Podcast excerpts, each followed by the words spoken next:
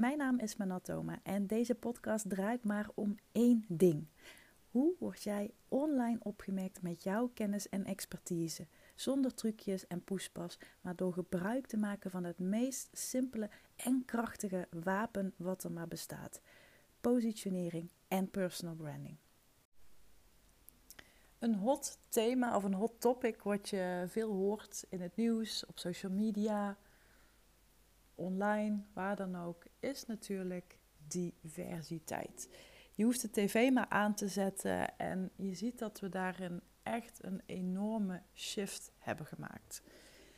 Ik geloof ook heel erg in diversiteit. En dan niet per se in het type klanten wat ik help, want die zijn wel redelijk ehm, op één lijn, die zijn redelijk hetzelfde. Waar ik het over heb, en dit is misschien ook iets wat je nog niet kent of nog niet eerder hebt gehoord in ieder geval, is diversiteit in je aanbod. Wat bedoel ik daarmee? Nou, eigenlijk natuurlijk gewoon hoe ik het zeg. Ik wil een divers aanbod hebben.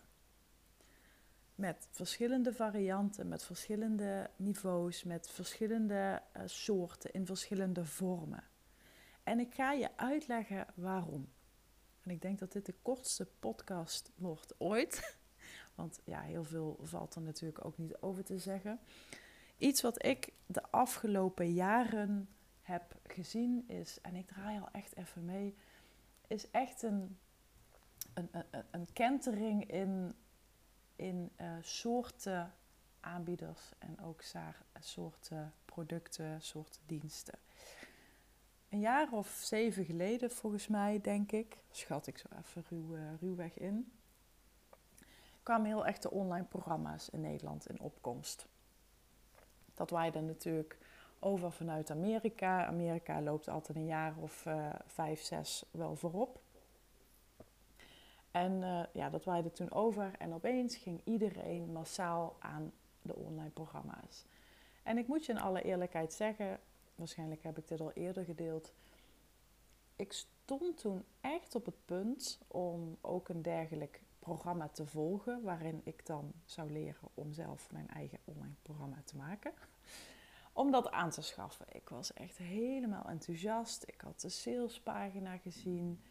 Uh, het, het, het, het, hele gebeuren over passief inkomen. En nou, kortom, het, het, het hele verhaal eromheen en wat ik ermee zou kunnen dat sprak mij enorm aan. Totdat ik een gesprek had met mijn allerliefste. en ehm, om het even in archetypes te vergelijken, waar ik nu een aantal podcasts over heb opgenomen. Hij is nogal een ander archetype dan ik ben. maar Fascinate heeft ook enorm geholpen in ehm, het communicatieniveau tussen ja, tussen ons. Dus Fascinate is niet alleen maar geschikt om zakelijk in te zetten. Je kunt het ook eh, vooral privé, of onder andere ook privé, kan het je ook echt heel veel brengen. En uh, ja, ik, ik weet dat nu veel meer te waarderen en uh, nou, het helpt ook echt enorm. En omdat hij juist een totaal andere instelling heeft, een andere manier van dingen beredeneren, dingen doen, dingen uitzetten ja, is het echt een soort van ja, spiegel geweest. En uh, hij zei toen, ja, maar waarom ga je een online programma maken als je nog niet eens eens weet ja, wat, je, wat je aanbiedt, wat je überhaupt doet, wat je überhaupt te brengen hebt? Waar, waar zit jouw meerwaarde in? Oh, en wat haatte ik hem toen, hè? oh, ik vond, dat was echt niet wat ik wilde horen. En ja, toen heb ik nog zitten nadenken en ook met hem besproken van ja, volgens die coach uh, ga je ook echt wel uh, je aanbod samen bedenken. En nou, toen was hij weer heel kritisch. Hij zegt van ja, maar een, een aanbieder die van A tot Z alles doet. Een soort van tandarts die ook tegelijkertijd uh, pedicure is en die ook tegelijkertijd kapper is en die ook, ja, die vertrouw ik gewoon niet. En misschien dat ze je gedeeltelijk kunnen helpen, maar echt niet volwaardig. En ja, ik moest hem toch wel schoorvoetend toegeven dat ik, dat ik het met hem eens ben. Dus ik heb dat destijds laten varen. Een aantal jaren daarna, dus die hype was al een aantal jaren aan het rollen. Toen ben ik me er wel in gaan ontwikkelen, omdat ik toen nou ja, veel meer mijn aanbod duidelijk had. Uh, mijn ideale klant wat meer. Inmiddels is dat ook weer veranderd. Maar toen voelde ik wel weer van oké, ik, uh, ik, ga dit toch, uh, ik ga dit toch doen. Maar omdat ik destijds nog niet echt de financiële middelen had om, om zo'n online programma te volgen, of althans ik had het er niet voor over, laat ik het zo zeggen, besloot ik het zelf helemaal te gaan uitzoeken. Dus ik heb ook de mazzel hele grote mazzel dat ik met een opleidingskundige bevriend ben en ook daar samen een kantoor mee deel. En zij werkt onder andere voor um, um, nou ja, gewoon grote, grote corporates in Nederland. En ja, zij weet dus wel waar ze het over heeft, uh, om het zo maar te zeggen. Dus ik heb met haar hulp een, een duidelijke blauwdruk gemaakt over hoe je dan simpel en makkelijk een online programma kan maken. En mocht je dit nu interessant vinden, dan ga even naar mijn website. Ik heb een blogartikel geschreven over hoe je zelf heel simpel je eigen online cursus kunt maken. Als je hem niet kunt vinden, stuur me dan even een DM op, uh, op Instagram. Dan uh, stuur ik je even het linkje toe. En op basis daarvan heb ik ook een Trello-bord gemaakt. En Trello is meer een ja, productiviteitstool. En daarin legde ik alle stappen vast die ik moest doen of wilde doen, of die nodig waren met handige aantekeningen en artikelen en printscreentjes van, ja, weet ik het wat niet allemaal. Dus in dat Trello-bord maakte ik een hele workflow. En die workflow, even sluikreclame tussendoor. Die verkoop ik op mijn uh, website op het kopje shop. Dus mocht je dit uh, interessant vinden, ik, ik verkoop dit echt voor een habbekrats. Um, een, reactie die ik ooit heb gehad van iemand uh, was iets in de trant van: Jeetje, ik heb 2500 euro uitgegeven om, ja, om dit te leren. En achteraf was jouw blogartikel en het Trello-bord veel en veel en veel waardevoller. Dus dat even terzijde. En ik heb toen een online programma gemaakt en ook wel verkocht en nou, allerlei dingen voor gedaan. Maar ik ontdekte, ik ontdekte toen dat er echt iets cruciaals miste, waardoor het, ja, waardoor het toch niet helemaal lekker liep en waardoor ik ook energie verloor. Aan de ene kant verloor ik mijn energie omdat ik niet aan het ondernemen was volgens mijn archetype. Ook daar heb ik een podcast over, dus zoek hem even op in de feed. Ik heb hem nog niet zo heel lang geleden gepost. Dus dat hele lanceren, dat, dat, ik, dat voelde voor mij heel zwaar. Kostte me heel veel energie. Ik zat er niet lekker in. En iets wat ik ook wel vaker zeg is: ja, als jij aangaat, gaat jouw publiek ook aan. En andersom werkt dat natuurlijk ook. Dus ik ontdekte dat dat hele lanceren en challenges doen, ja, dat dat gewoon niet, niet my cup of tea uh, was. Dus ik heb dat uh, losgelaten. En daarna ben ik me eigenlijk gewoon gaan storten op, ja, gewoon één op één werken. Um, ook omdat ik dacht van, ja, waar doe ik nou eigenlijk moeilijk over? Hè? Want ondernemen is in de kern natuurlijk heel simpel. Een goed product hebben de goede plek staan en aan de juiste persoon verkopen voor de, voor de juiste prijs. Het is eigenlijk niet meer dan dat. En ehm, ja, ik denk, ja, uh, verdikke me, waarom, waarom maak ik het toch zo moeilijk, hè? En dit is ook wel iets wat ik herken bij, uh, bij heel veel ondernemers. Met name omdat ondernemers toch vaak een, ja, een, creatieve, creatief brein hebben. Wat letterlijk alle kanten soms opschiet. Waardoor je de ene dag dit doet en de andere dag weer dat. En ja, hate to say it, maar focus is toch echt wel een, een cruciaal element geweest. En ook de kracht van kiezen, de kracht van stoppen, de kracht van eenvoud, waar ik het natuurlijk ook heel vaak over heb. En ik besloot, ja, ik ga dat gewoon doen. Ik ga gewoon meters maken. Ik ga dat wat ik doe. En ik had destijds al de omslag gemaakt naar positionering in combinatie met personal branding. En ik besloot om dat gewoon echt, om daar gewoon de beste in te worden van Nederland. En uh, ik heb hier natuurlijk ook wel vaker over geschreven, want de beste woorden is een, een, Ik druk het nu even zo uit, maar de beste zijn, dat is natuurlijk best wel een uitputtend uh, streven. Hè? Want kijk nu uh, naar de Olympische Spelen op tv. ja, het, het zijn vaak minimale verschillen. En vandaag is iemand de beste en, en morgen is weer een ander iemand de beste. En iets wat ik ook van Sally heb geleerd is Ehm, dat het er vooral om gaat, niet dat je de beste bent, maar wat jou anders maakt. En if you can't be the best, be different. Nu wil ik niet zeggen dat je niet de beste kunt zijn, maar als dat je enige streven is, dan, uh, dan loop je een zware race. Hè? Want vooral skills, hard skills, die zijn over het algemeen ja, dupliceerbaar. Wat ik kan, kan een ander ook. Wat jij doet, doet een ander ook. Dus het gaat er heel erg om, hoe doe jij dat? Hoe doe jij het anders? Hoe doe jij het beter? Hoe doe jij het slimmer, sneller, simpeler? Daarmee maak je het verschil. Dus ik heb ervoor gekozen om uh, echt me volledig in te zetten op gewoon één aanbod.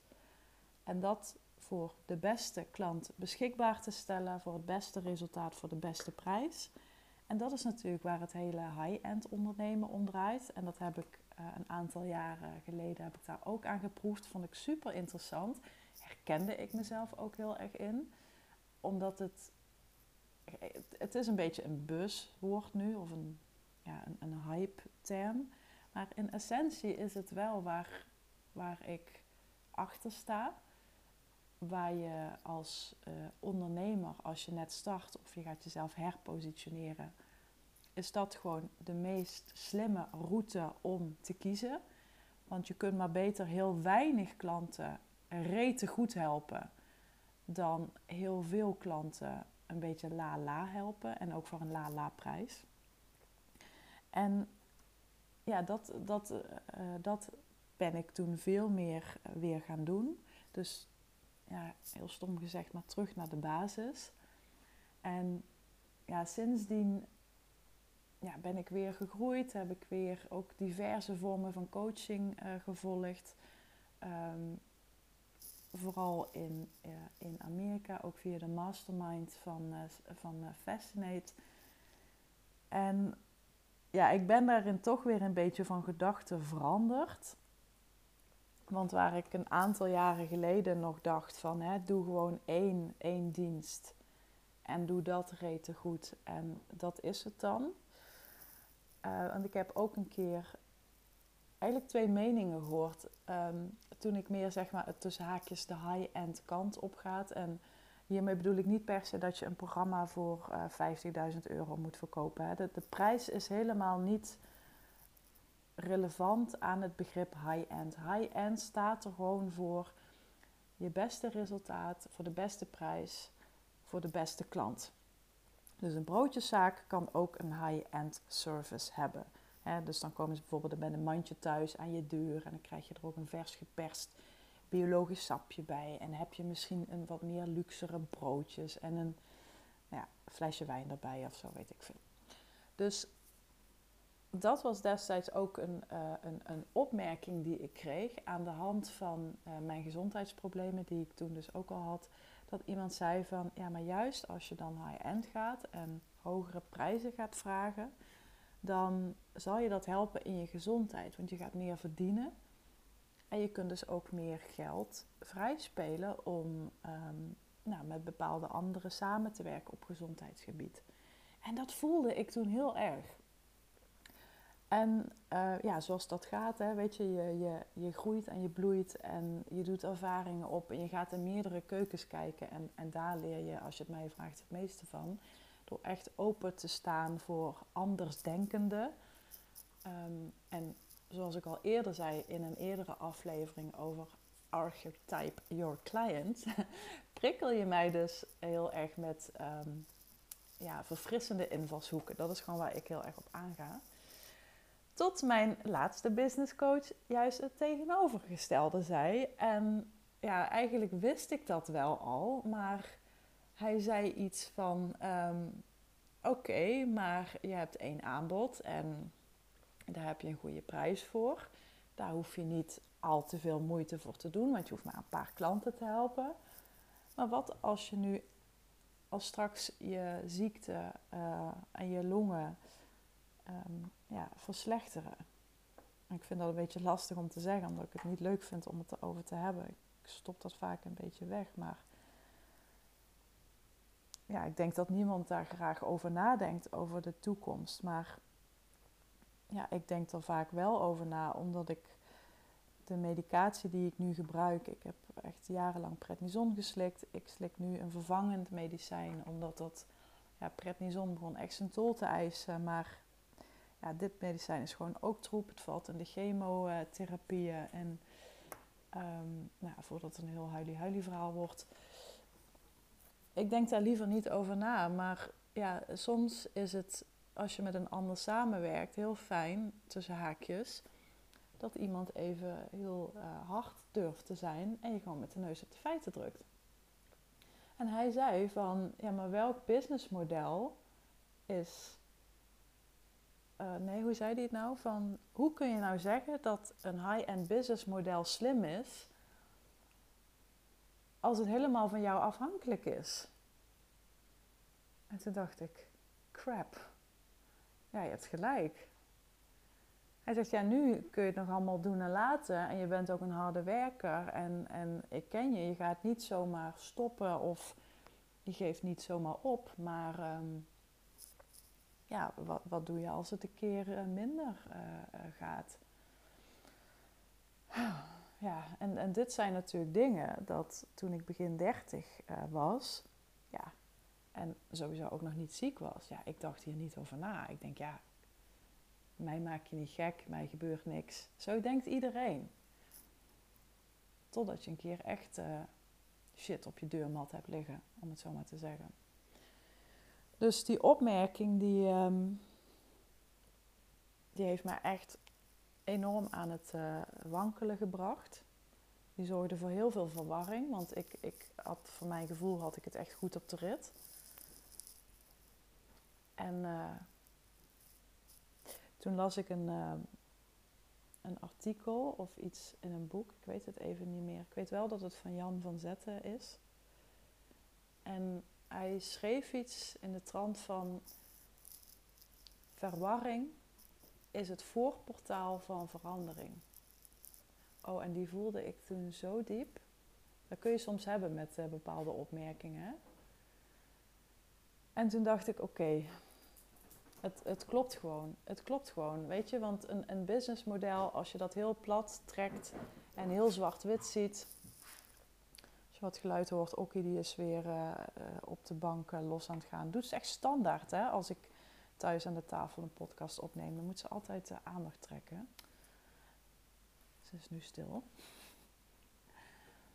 Maar die opmerkingen die zetten me zo aan het denken, vooral omdat ik ook weet, en ik heb natuurlijk heel veel boeken gelezen over businessmodel Canvas en waardepropositieontwerp alle goede businessmodellen, die steunen niet op een persoon. Dus als iemand zegt van ja, dit is een slim businessmodel, en of dat nu een online programma is of een high-end aanbod, zolang dat afhankelijk is van dat wat jij doet, en gewoon afhankelijk is van jou, laat ik het nog simpeler trekken, dan, dan, dan is het gewoon geen goed businessmodel. En daar kun je lang en breed over lullen en over discussiëren, maar dat zijn gewoon de feiten. En uh, ja, op het moment dat ik me dat realiseerde, ik dacht ook, ik, ik maak heel vaak de vergelijking in mijn trajecten met uh, Elon Musk en uh, Tesla. Dat is gewoon, Elon Musk is ook zo'n ja, apart apart figuur, rare snuiter. Maar ik vind, ja, juist omdat hij zo'n visionair is, vind ik het wel altijd heel interessant. Ja, als ik daar naar kijk, dan denk ik van ja, hij is inderdaad wel het boegbeeld van het merk. Maar het merk en het bedrijf, Tesla dus, is niet per se van hem afhankelijk. Hij heeft er wel invloed op. dus als hij wat twittert, dan, uh, nou ja, dan kan hij letterlijk de koersen laten dalen of stijgen. Dat, zover reikt zijn invloed. Maar het is niet dat Tesla geen auto's opeens meer verkoopt als uh, Elon, uh, weet ik veel, met zijn raketten bezig is, om het zo maar te zeggen. En toen dacht ik, shit.